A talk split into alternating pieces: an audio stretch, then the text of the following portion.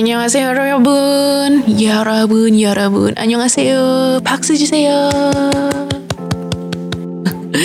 이 podcast에서 Osin Kase 환영합니다 alias selamat datang di podcast kali ini yaitu Rambu Random bareng yuk bersama Jay dan juga gue siapa lo? Brad Brad Oh, whatever Brad. you want to call me Oke, Prad. yeah I'm Oke. Brad Em, hari kita kita mau bahas apa, bro? kita mau membahas soal apa ya gue mau bilang uh, love Oh, tentang but love. not that kind of love Oh, love I mean bukan yang in relationship gitu loh kita membahas apa? Mm-mm. kenapa sih orang buru-buru gitu pengen pacaran jadian gitu Hmm. menurut lu bagaimana tuh ibu siapa namanya J. Iya. JKLMN Kurang ajar. Enggak deh. Eh, kalau misalnya menurut gue sih emang beberapa orang dari yang gue lihat di umur-umur segini secara umur kita sama kan ya iya betul sekali lebih kepada tuntutan umur sih kayaknya kalau misalnya umur umur umur kita gitu. Tuntutan umur terus kayak ada paksaan dari orang tua juga. Bukan paksaan ya lebih kayak low-key kayak mungkin orang tua ngomong kayak "Eh, aduh orang tua lain udah nimang cucu gue kapan ya? Yang kayak gitu-gitu tuh. Ya kan gitu. Terus kalau misalkan seumuran kita sih yang gue rasain sih seperti itu. Tapi kalau misalkan seumur-umuran anak remaja mungkin kayak waktu kita SMA dulu gitu ya menurut gue sih lebih kayak jatuhnya kayak persaingan gitu atau enggak kayak gengsi-gengsian gitu. Misalkan kayak eh gue udah punya pacar loh. Lo lo punya nggak? Ya nggak punya cemen lo nggak laku lo yang kayak gitu-gitu tuh. Terus misalkan ada juga kayak yang hmm, lu pacaran udah ngapain aja? Nah terus di detailin tuh. Kalau misalnya masih yang ya masih level awal gitu pasti dibilang kayak, kayak cupu lu cupu lu kayak gitu. Itu yang gue dapetin Ya, sih waktu ketika masih SMA gitu ya yang gue rasain gitu. Cara gue nggak pernah pacaran juga gitu. Gue hanya melihat teman-teman gue pacaran gitu loh. Ya itu sih yang gue lihat. Jadinya kayak ajang kompetisi ajang gengsi-gengsian ajang pamer gitu loh. Jadi emang kayak nggak ada aja esensi pacaran. Kayak ya udah. Kayak mungkin anak-anak maksudnya orang tua kita zaman dulu ngomongnya cinta monyet ya. Ini bukan cinta monyet sih cinta butek kayaknya. Kayak soalnya isinya negatif banget gitu. Ya walaupun kita nggak bisa memungkiri ya. Emang kan kalau misalnya di masa SMA ya masih puber-pubernya gitu loh. Masih kayak pencarian jati diri lah ya gitu. Masih eh ya kalau misalkan suka sama lawan jenis ya itu wajar gitu. Cuma kalau misalkan sampai ke yang ajang gengsi yang kayak gitu-gitu eh, gue agak miris sih.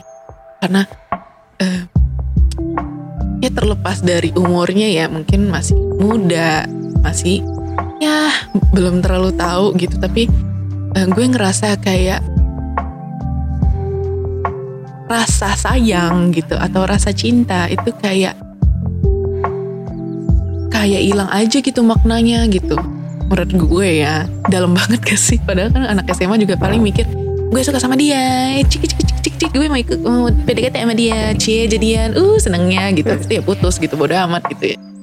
Tahu sih gitu. Gue jujur ya nggak pernah eh, pacaran tapi kalau misalnya soal gebetan-gebetan ya pasti pernah gitu. Dan kalau misalkan gue kebetulan memang anaknya agak-agak serius ya kalau misalnya soal hubungan kayak gitu.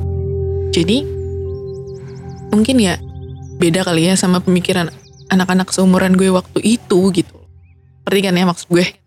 Ngerti ngerti. Mm-mm. dan juga mau menambahkan sih mungkin juga di fase itu ya banyak banget kan yang mengalami namanya tuh cinta monyet gitu berawal-awal Mm-mm. merasakan cinta merasakan oh jadi gini bucin oh jadi begini rasanya dicintai seseorang betul betul oh begini rasanya punya seseorang yang suka sama kita dan mungkin juga yang ingin apa ya nantinya tuh kita bisa sama-sama sampai tua gitu kan.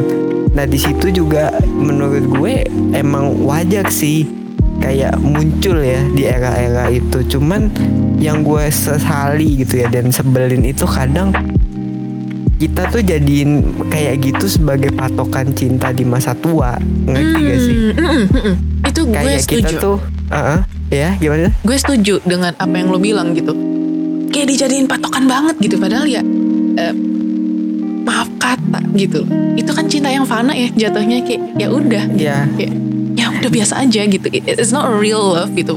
Walaupun perasaan suka lo valid walaupun perasaan sayang lo ke orang itu kayak perasaan ingin memilikinya valid gitu. Tapi bukan berarti eh, rasa yang lo rasain di waktu itu sama dengan rasa yang akan lo rasakan di masa dewasa lo gitu di masa ketika lo udah umur Tuh, 20-an tuh. kayak gitu gitu loh. Bener dan sih. juga gue mau bilang bahwa cinta itu semakin lo tua semakin gak berapi-api ngerti gak sih cinta itu udah bukan yang kayak wah kayak semasa muda enggak tapi it's all about commitment Mhm, it's all about eh, loyalty gitu ya. Maksud Bener. loyalty itu kayak lu setia gitu loh. Dan juga royalty di mana lu ya harus spend duit, lu juga harus mikirin apa yang dia mau gitu Hmm. kan, understanding and so much gitu loh. mhm, Jadi mhm. kayak kalau lo mau masukin cinta yang cinta monyet itu bagi gua itu tuh udah gak masuk gitu loh kalau di yang tua ya. bener Dan anehnya tuh sekarang masih dipakai gitu kayak Hmm. ya lu kalau mau pacaran kelingi-kelingi manja gitu gua rasa kita semua juga ada deh sifat manjanya cuman kan not all the time. Ya gak sih? Bener bener kayak lu pacaran masa tiap hari manja terus gitu? Ya oke. Mungkin sebagian orang suka dimanja. Tapi kan manja pun juga ada limitnya gitu loh. Ya kalau lu terlalu manja sama orang enak juga kali tuh orang kayak aduh sayang aku aku aku keserimpet gitu kan. Tapi lu keserimpetnya cuma dikit doang gitu kena meja kayak ah elah itu doang kesenggol doang gitu. Kecuali jari lu kena meja gitu kan yang kelingking. Nah itu kan sakit ya oke lah. Lu mau kelingi kelingi nggak apa-apa orang sakit banget deh. Jempol lo gitu kena apa gitu jempol kaki lu kena nabrak apa gitu yang sakit yang nggak apa-apa gitu. Cuman itu tuh ya kelingi tadi gitu dan juga uu itu malah jadi patokan gitu loh sekarang. Menurut lo kenapa sih semua orang tuh pengen punya pacaran yang uu terus kalau nggak uu tuh kayaknya aduh kisah cinta orang tuh kayaknya mulus banget. Sementara gue nih kayaknya nggak jelas gitu. Padahal uu tuh apa ya gue bilangnya? Ya kan tercapai juga kok kalau misalnya apa ya si cowoknya itu juga emang bisa gitu loh. Dan uu nggak melulu harus kayak dibikinin lagu buat lo atau apa pun ya lu sekedar makan indomie di jalan juga uu gitu kan. Hmm. suap suapan uu tuh nggak usah yang wah dia bikinin lagu dia bikin gambar dia bikin karya seni apa gitu. Mungkin dia ngasih lo barang mahal ya itu mah bukan uu ya gue nggak tahu ya menurut gue sih itu bukan uu ya. Uu Mhm. tuh something yang bisa dirasakan berdua gitu loh. Mm-mm. menurut lo gimana tuh Em, kalau misalnya gue ya, mungkin ini gue bakal kebetulan banget gue tadi ya ngetes gitu lah ya, ngetes online attachment styles. Lu pernah denger gak? pernah kenapa Mm-mm. Jadi kan attachment styles kita itu ada empat ya. Ada secure, anxious, avoidant, terus campuran avoidant sama anxious, fearful avoidant. Nah, em, ya tadi lo bilang ya yang kayak maunya uu gitu, maunya yang menye-menye gitu. Em, gue tadi baca-baca dan kebetulan gue hasilnya adalah anxious attachment. Nah, anxious attachment itu um, is a form of insecure attachment style marked by a deep fear of abandonment. I see. Dan si anxiously attached people itu tend to be very insecure about their relationships, often worrying that their partner will leave them, and those are always hungry for validation. Terus, anxious attachment is associated with neediness, quote unquote, neediness or clingy behavior. Kayak yang tadi lu bilang, clingy behavior Yeah. such as getting very anxious when your partner doesn't text back fast enough and constantly feeling like your partner doesn't care enough about you. Dude, I Anxious, met some of them yeah. in real life. Mm, Anxious attachment is also known as anxious preoccupied attachment, and it generally aligns with the anxious ambivalent attachment style or anxious resistant attachment style observed among children. Um, jadi aku, uh, kok aku gue Ada Iya. attachment ini juga ternyata. Iya silakan. Eh, jadi gue mungkin mau jelasin dikit gitu. Em, gue preoccupied dan gue dapat dari ini website namanya apa ya? Eh, gue nggak tahu. Itu ini dari The Attachment Project. Eh, disusun oleh beberapa psychologist juga, ya beberapa expert lah. Em, anxious or preoccupied. Karakteristiknya adalah si orang-orang ini sangat kurang dalam sense of self-nya dan selalu mendahulukan orang lain dulu. Jadi si orang ini tuh Selfless ya. ya selflessnya tapi berlebihan banget bisa dibilang. Over. Mm-mm. Overextend. Ya jadi dia menjaga orang, peduli kepada orang dan dia menempatkan kepentingan orang lain dulu dibandingkan dirinya sendiri gitu. Terus yang kedua eh, mereka susah kalau misalnya sendirian, gak nyaman, gak seneng gitu. Mereka tuh selalu craving for relationships and intimacy. Apakah anda merasa familiar dengan ini semua? Aku merasa familiar. Iya kan? Nah, terus yang Kita ketiga, semua kan ada lah. Uh, uh. Terus yang ketiga, eh, si orang-orang ini relatif punya self esteem yang rendah gitu, dan selalu mencari approval, mencari assurance dari orang lain gitu, dan dia membutuhkan orang lain untuk eh, mendapatkan nilainya ngerti gak sih lo kayak to validate your own words. Jadi kalau misalkan gue. kalau misalkan gue dan lo misalkan let's say kita pacaran terus gue kan anxious attachment nih terus kalau gue ngelihat lo tuh kayak nggak acknowledge what I do gue tuh langsung ngerasa oh gue nggak berharga nih yang kayak gitu loh yang langsung down gitu Iya. Gue paham banget itu. Dan Uh-uh. gue udah sering ketemu yang kayak begitu juga. Dan sebenarnya solusinya tuh cuman satu sih kalau kayak gitu ya. Ini solusinya tuh to tell you the truth gampang diomongin tapi susah dilakukan. oke kita lanjut Solusinya sebenarnya solusi sebenarnya cuman ya lu menyadari bahwa diri lo precious gitu loh. Tapi lanjut. Nah itu buat lain waktu. Oke, terus jadi karena dia melihat harga diri dia dari acknowledgement orang lain, dia jadinya craving for attention and try to impress people. Terus yang keempat, ketika itu kita bicara tentang hubungan, relationship, dia si orang ini, si orang yang anxious attachment ini, dia selalu menunjukkan perilaku clingy dan needy. Dia selalu mencari perhatian dan keintiman dan bisa menjadi sangat-sangat demanding, sangat-sangat bergantung lah istilahnya kayak eh ya kayak lu perhatiin gue dong, lu perhatiin gue dong kayak gitu. Mungkin kayak yang, yang lu bilang tadi ya kayak aduh aku sakit nih kayak gitu-gitu tuh model begitu tuh. Nah, terus Iya. tapi di sisi lain juga si orang ini sensitif terhadap eh, kebutuhan partnernya. Tapi karena saking dia sensitifnya, lo tahu kan tadi? Dia itu suka mementingkan orang lain. Jadi itu dia terlalu Iya. fokus kepada orang lain sampai akhirnya si partnernya malah ngerasa suffocated gitu kayak apa sih lo? Kenapa sih lo begitu? Yang kayak gitu. Uh, um, betul betul. Uh, uh, terlalu uh. ngasih ibaratnya. Ya. Which is actually apa ya? Em, mengasihi itu baik mencintai itu baik menyayangi itu baik tapi kalau misalnya segala sesuatu yang berlebihan itu memang nggak baik ya gitu.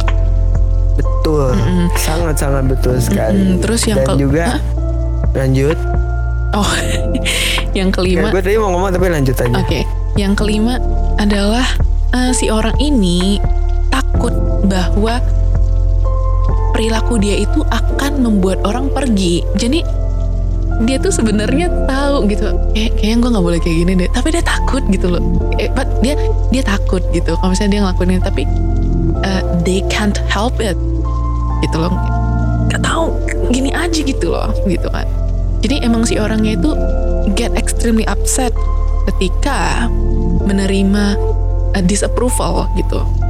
Misalkan partnernya lagi lagi sibuk gitu dan misalkan ya menghabiskan waktu di luar hubungannya mereka gitu. Misalkan kayak eh ya misalkan pacarnya lagi bikin podcast sama temennya, nah dia langsung marah tuh gitu kayak gitu tuh. Nah, bisa aja bisa lah. Nah, jadi si orangnya ini malah ngerasa apa namanya cemburu lah, frustrasi, terus ngerasa kayak, duh, benci banget kayak gitu loh, resentful gitu. Dan oh, iya. si orangnya ini overanalyze dan worry excessively about relationships. Dan tapi lucunya dalam waktu yang bersamaan dia dengan sangat mudah mengabaikan atau salah menginterpretasikan beberapa tanda-tanda kalau misalkan hubungannya itu lagi bermasalah gitu loh. Nah, em, kenapa sih gue ngomong kayak gini gitu? Kenapa sih gue jelasin kayak gini? Kayak tadi lo bilang gitu. Kenapa sih ada orang yang menye-menye banget gitu? Gue yang ngambil kesimpulannya, kemungkinan ya si orang-orang ini punya attachment issue yang kayak gini gitu loh. Dan kita nggak bisa nyalahin mereka. Kenapa? Karena attachment issue itu muncul juga bukan dari diri mereka sendiri. Mereka muncul karena kebiasaan. Mereka lihat orang tua mereka tuh gimana gitu. Mereka lihat orang tua mereka berperilaku seperti apa ke mereka.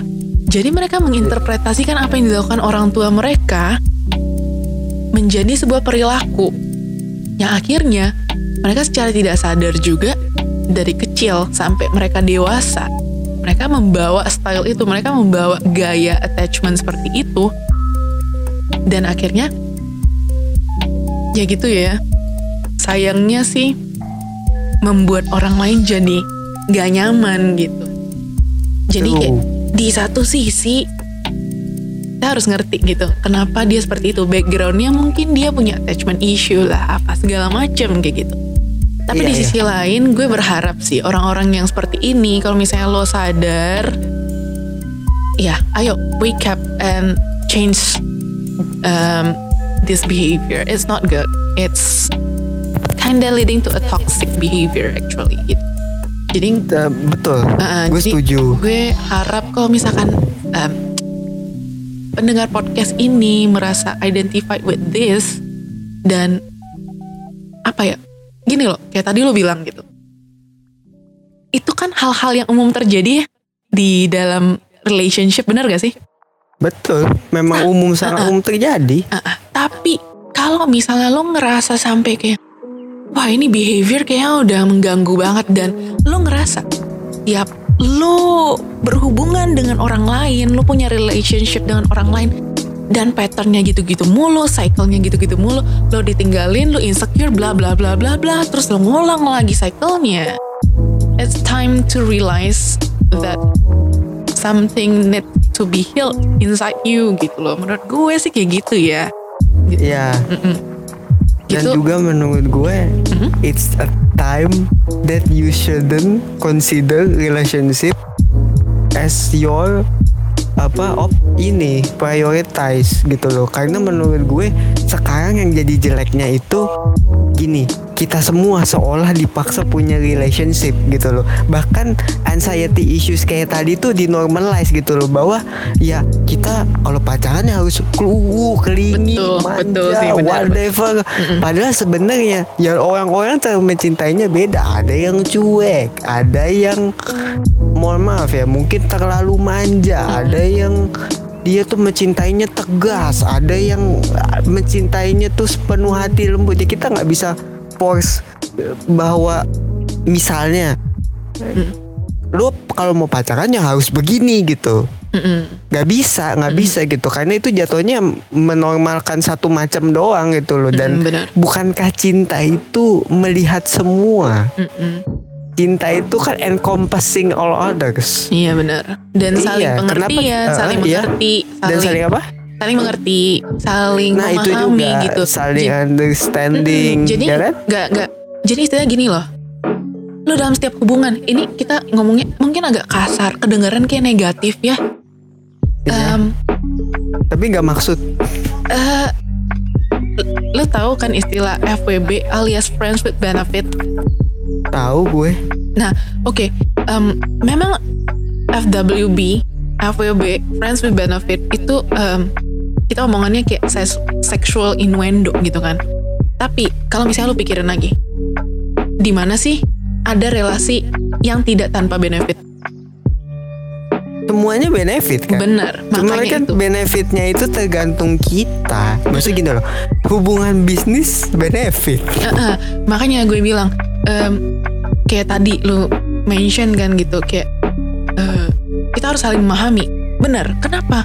Karena setiap rela- relasi itu transaksional. Every relationship is, is a transactional relationship. Karena two two. gimana? Lo gak mungkin nih. Coba deh, coba lu ada di posisi di mana lo yang memberi kasih sayang itu. Lo ngasih terus, lo ngasih terus, lo ngasih terus, lo ngasih terus. Caranya cuma terima, terima, terima, terima, terima. Lo capek kan? Sama juga.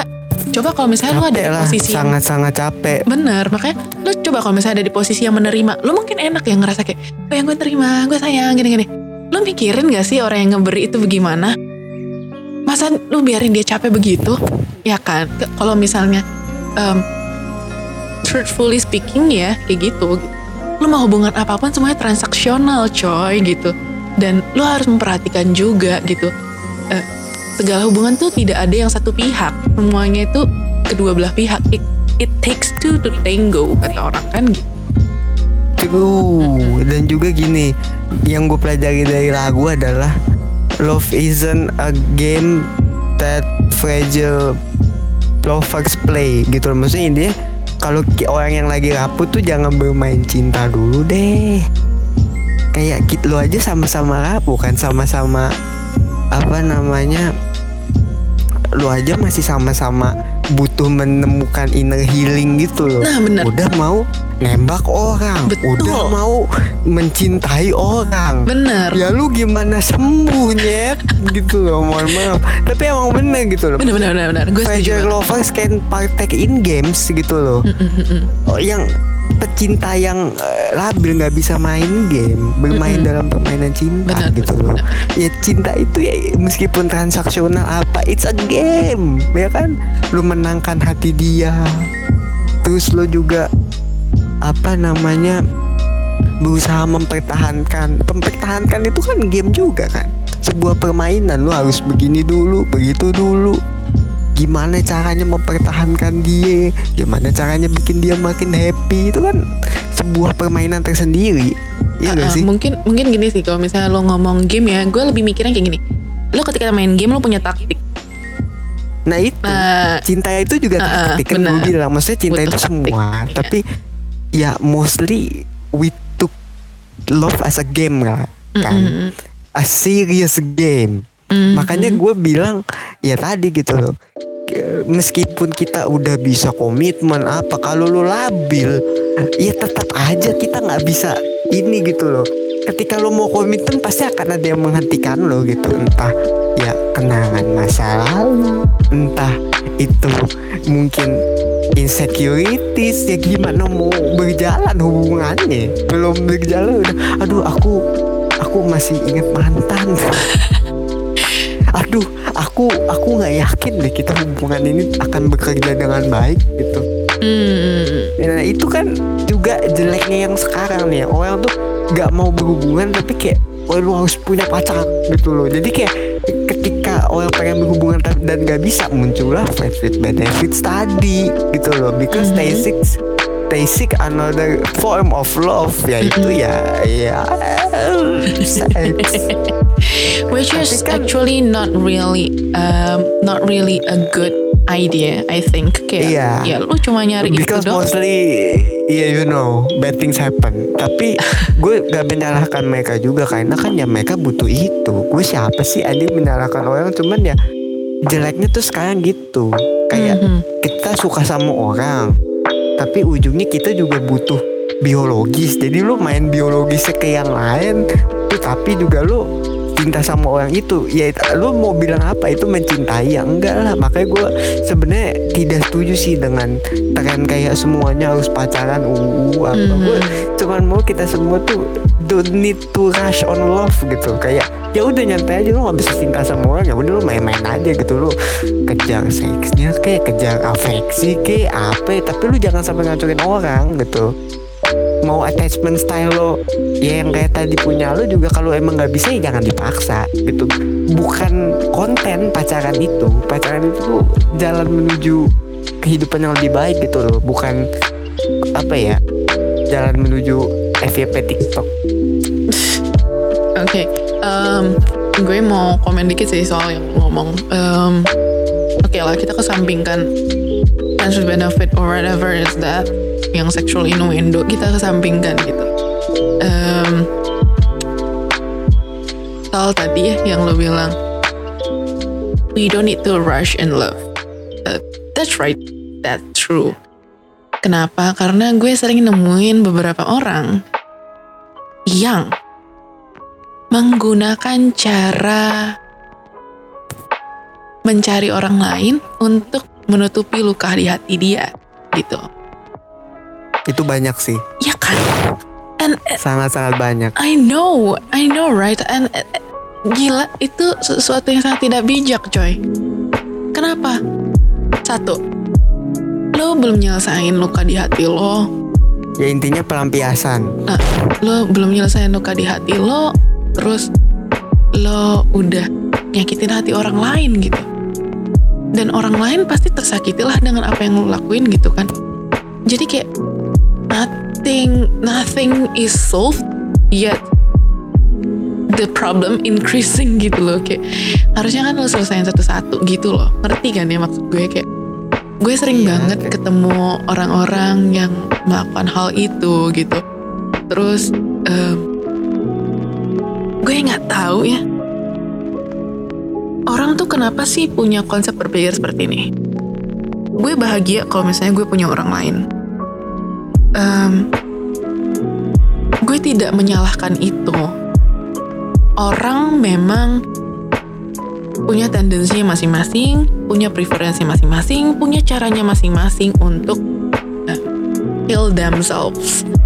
Tapi bagi gue, kalau misalkan lu sampai menggantungkan kondisi hidup lo atau kondisi rohani lo lah atau kondisi jiwa lo kepada orang lain, ya itu ngaco sih menurut gue gitu. Karena gue sering ketemu orang yang gue nggak bahagia banget. Dia ngomong gini ya, gue nggak bahagia banget. Gue ngerasa diri gue hidup gue datar banget, datar banget. Dan dia butuh orang lain. Ah, ah, kayaknya gue untuk cuma bisa hidupnya ah, ceria dia ngomong kayaknya ya hidup gue bahagia kalau misalkan punya cowok lain atau cewek lain gitu. Maksudnya maksudnya punya cowok atau punya cewek gitu. Terus gue bilang gitu kayak no you don't need that gitu. Ya oke lah maksudnya di satu sisi memang kita butuh orang lain. Kita manusia diciptakan oleh Tuhan sebagai makhluk sosial tapi bukan berarti segala sesuatu lo gantungkan ke orang lain gitu loh. Jangan sampai mood lo lah, kondisi Betul, lo betul. apa segala macem lo gantungin ke orang lain. What's the point? Ya kan? Gitu loh.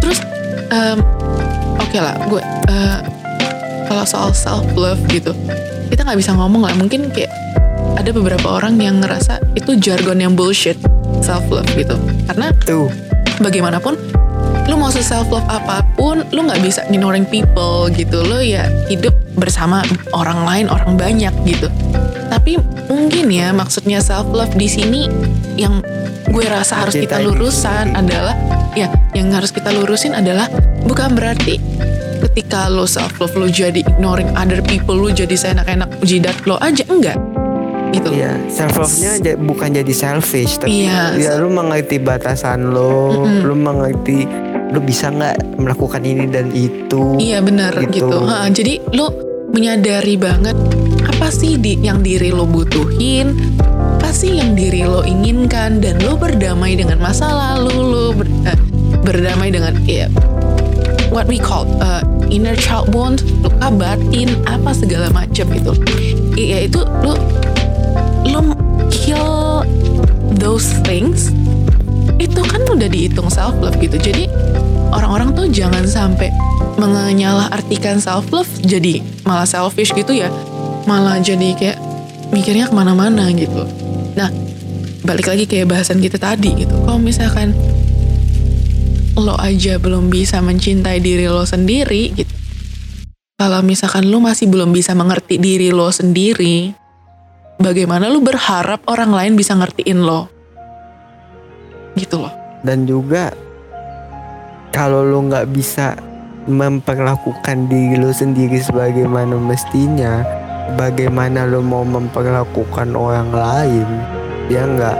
And that's why gue bilang kenapa kita nggak perlu rush on love karena sebenarnya dengan kita nggak buru-buru halo dengan kita nggak buru-buru Mm-mm. kita itu tuh lebih tahu apa yang kita mau Betul. apa yang kita apa namanya cari Mm-mm. at least kalau kita gak ketemu apa yang kita perjuangkan gitu loh dalam percintaan kita dalam kehidupan ya Mm-mm. ini bisa juga buat kehidupan juga gitu loh bukan melulu soal relationship gitu Mm-mm. tapi ya kembali ke topik juga kadang tuh sekarang jeleknya tuh ya tadi gitu loh bu- udah berusaha dipaksakan menormalkan juga yang anxiety kayak gini Mm-mm. terus juga orang yang katakanlah emang kagak mau gitu karena mereka emang ya gue nggak bisa begitu karena fokus gue yang nggak begitu itu akan dianggap jelek gitu loh padahal sebenarnya ya kalau emang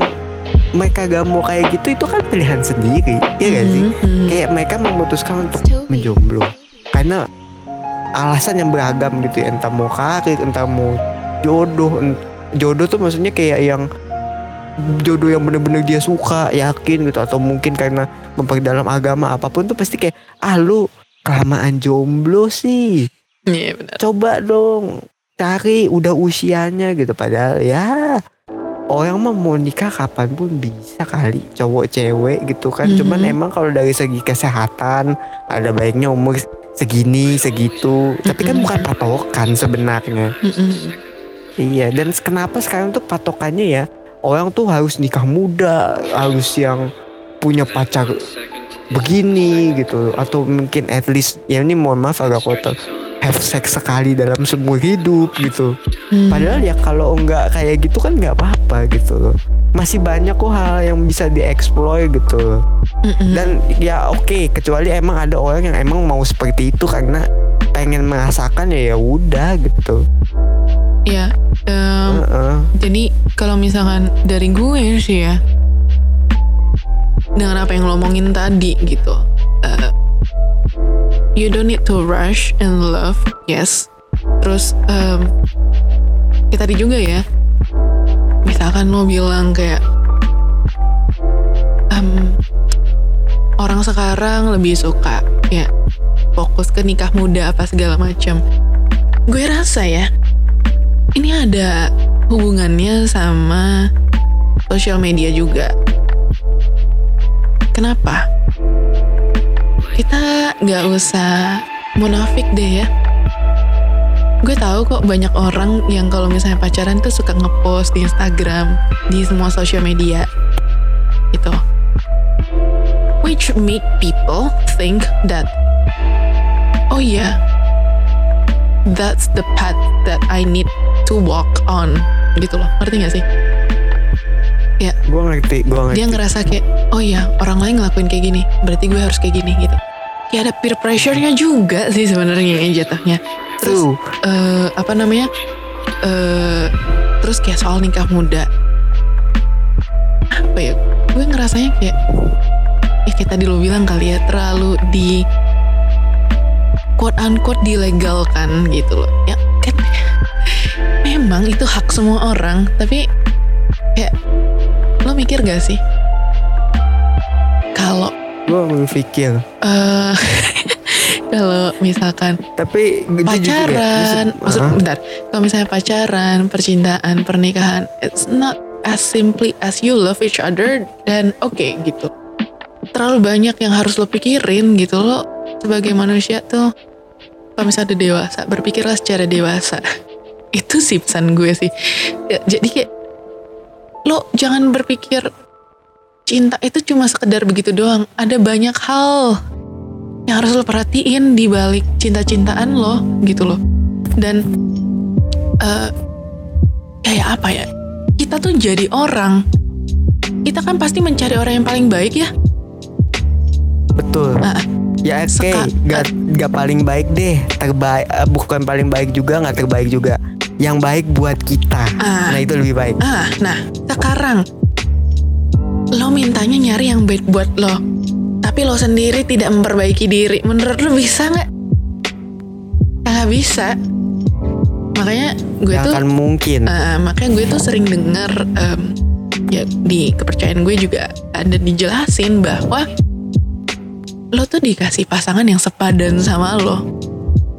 Jadi kalau juga misal, kalau di gue sama uh, uh, jadi kalau misal laki-laki yang baik uh, untuk laki-laki ya, yang baik gitu. kenapa? laki-laki yang baik untuk perempuan baik dan sebagainya dan sebaliknya Ah, iya. Makanya kan dibilang pasangan yang sepadan. gitu. Tapi ketika lo lo rush in love, lo kan berarti hitungannya memaksakan ya, ya kan, memaksakan lah atau kayak belum juga waktunya lo masih belum istilahnya masih masih belum siap lah istilahnya. Mungkin Tuhan melihat lo belum siap, tapi lo terlalu maksain. Pasti lo dapetnya yang nggak sepadan dong. Udah jujur aja Iya gitu, dong. lo nggak mungkin lo nggak mungkin dapet yang sepadan gitu, nggak nggak mungkin Ya sih iyalah. gue.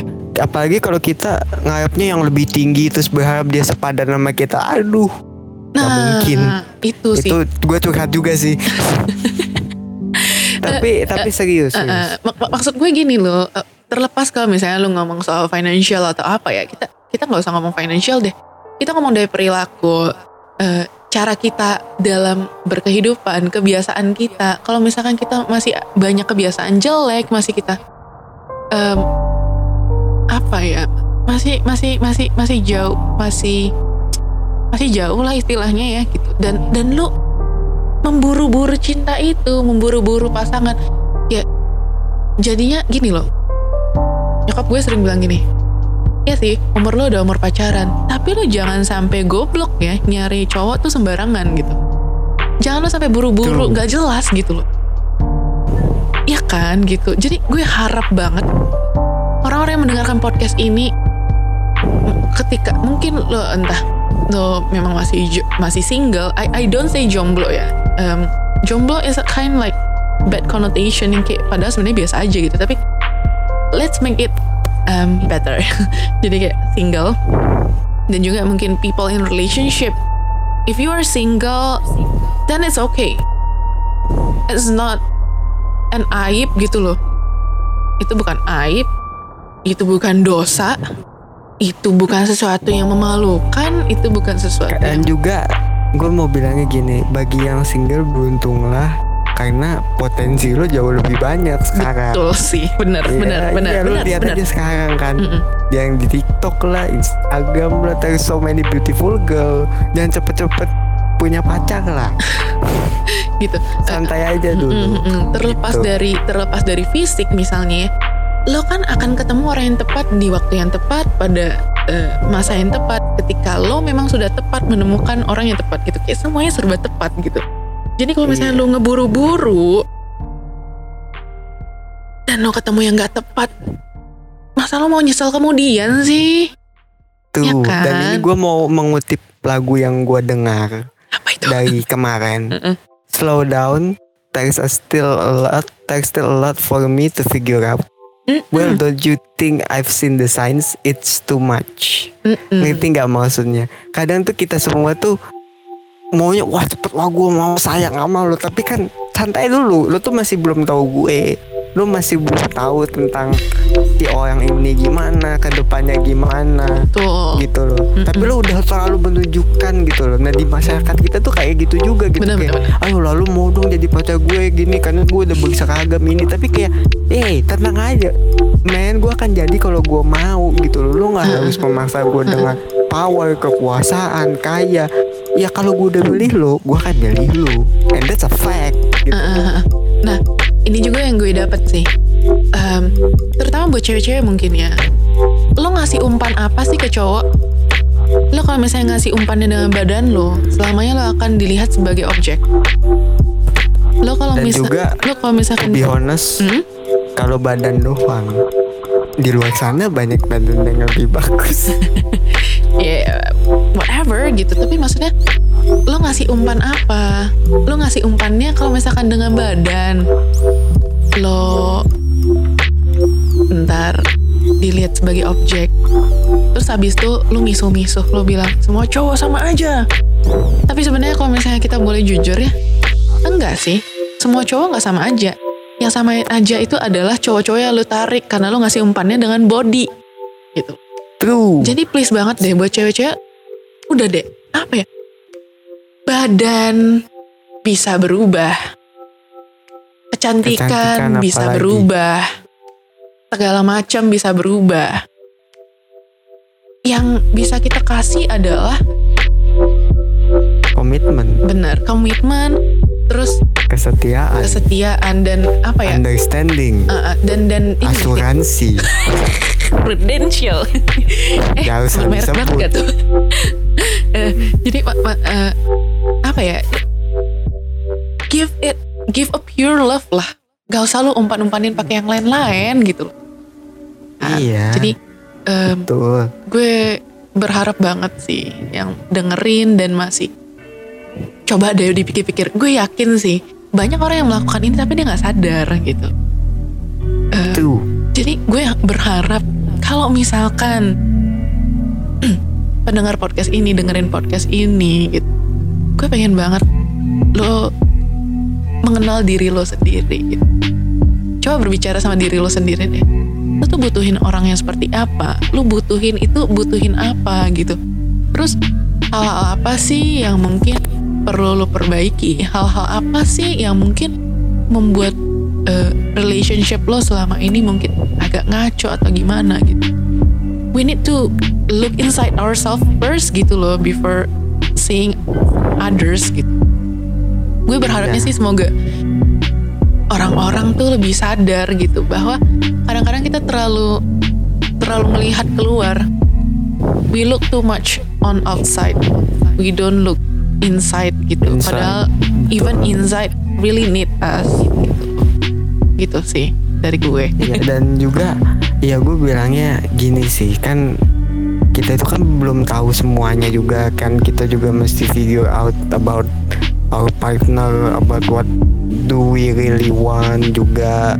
Ya pribadinya terus juga kayak kita mikirin ke depannya gimana gitu. Udah yang paling mengenaskan tuh sebenarnya ketika udah digituin ya itu tuh sebenarnya dianggap sebagai sebuah penolakan. Padahal sebenarnya enggak gitu. Dia nggak menolak lo dia gak nerima lo juga tapi dia seperti mau gitu. Ngerti gak sih? Kayak dia tertarik gitu. Gue dia cuma pengen lo di situ dulu gitu. Dan ya bukankah itu pertanda baik? Iya. I mean kadang tuh di kita tuh maunya cepet gitu. Maunya harus ada status. Padahal sebenarnya tanpa status pun juga bisa kan. Masih mending mana? Lu pacaran status gitu kan. Dapat status pacaran. Tapi sebenarnya lu nggak cinta gitu sama dia. Dibanding sama yang ya udahlah kita nggak ada status tapi kita saling mencintai saling komitmen. Nah itu kan menurut lu ya pilih mana gitu loh. Of course semua orang pengen status. Iyalah. Gak mungkin. Gak mungkin gue tuh nggak pengen status. Gak mungkin juga lu nggak pengen status. Semuanya pasti pengen status. Bener gak? Hmm. bener gak? Iya. cuman ya kalau kita maksain statusnya doang tanpa melihat esensi statusnya ya salah Hmm. iya jadinya kayak lu uh buat apa? Buat konten. Sementara orang di sono konten itu kan gak usah yang kenal harus jadian dulu kan nggak bayar. Eh ini gue bayar lo jadi pacar gue. Iya kan? Mm-mm. udah. Dan itu juga yang luar mirisnya tuh sekarang udah banyak yang first on love juga menjadikan cinta sebagai konten juga ujungnya orang pacaran juga maknanya jadi nggak ada gitu loh dan Mm-mm. it's sad gitu loh Iya. gue berharap yang denger ini sih kalau bisa ya kalau lo emang lo mau pacaran atau gimana ya lu coba untuk pacaran sepenuh hati lah jangan yang kayak iya gue suka dia sama karena ini karena itu gitu ya kalau bisa ya sepenuh hati lah coba gitu Mm-mm. Dan All in. kalau nggak bisa nggak usah dipaksain Mm-mm. jangan teras on love gitu loh. Mm-mm. mungkin si ceweknya takut gagal gitu kan. Mungkin ya lu juga ada trauma gitu ya. Kayak lu gak bisa mencintai ya lu gak usah paksa gitu. Gak usah sosok kuat lah kalian berdua itu. Maksudnya kita harus tahu batas kita gitu. Untuk mencintai pun juga kita harus tahu limitnya. Mm-mm. semuanya punya limit soalnya. Mm-mm. and that's why Hmm? don't trust on love. You don't have to Mm-mm. Oke. And uh, most importantly adalah enjoy the process sih. Oke. sangat benar dan Iya. juga ini juga kalau bisa ya ini gue ngomongnya juga sama yang punya trauma gitu ya kita itu kan menyembuhkannya lama trauma-trauma percintaan gitu ya apalagi kalau yang sebenarnya dia mau memulai tapi dia tuh takut gitu. Kayak gue takut nih gagal. Ya gue cuma mau bilang take your time. Gak usah dipaksa gitu. Lu nggak usah harus wah gue harus buka hati. Enggak enggak kalau lu emang nggak bisa buka hati ya udah. Gitu. Lu mencintai orang dengan cara lu sendiri aja. Cuman kalau bisa ya jangan ketakutan. Gitu aja sih. Karena kadang tuh kita terlalu takut gitu. Terlalu takut untuk mencintai orang ini ya. Gue bilangnya ya pasti bakal gagal lah. Namanya resiko kan? Kayak gak usah lah cinta deh. Lo main game aja pasti kalah. Ada lah kalahnya. Masak mie juga pasti ada lah yang namanya lo minyak agak lembek-lembek dikit gitu. Gak semuanya kan berjalan sesuai dengan yang lo mau gitu. Sedihnya itu. Tapi ya kalau lo emang sayang ya udah jalani aja meskipun gak berhasil ya it's okay Mm-mm. Ya. Balik but lagi then sih. again don't rush it Iya, balik lagi sih enjoy the process uh, enjoy the ride dan juga kalau misalkan hasilnya mungkin ya kurang baik, ya anggap aja sebagai pelajaran hidup dan kita ambil itu sebagai sesuatu hal yang bisa kita perbaiki untuk di kehidupan, eh kehidupan untuk di hubungan yang selanjutnya. I think that's it for today. betul sekali dan juga ya gue hanya mau mengingatkan kembali ya lu nggak harus rush on love kok Hmm. oke gue gue mau mengingatkan lagi gitu takut lupa lu nggak harus rush on love lu nggak harus ngikutin pressure masyarakat juga Nah, sampai 200 kali diomongin nih. Ini gitu loh. Punya pacar harus ini harus itu. Lu pikir deh seribu kali gitu kalau lu emang belum bisa gitu. Dan Iya. juga gini ya kalau lu emang gak mau pacaran nih gue tegasin aja.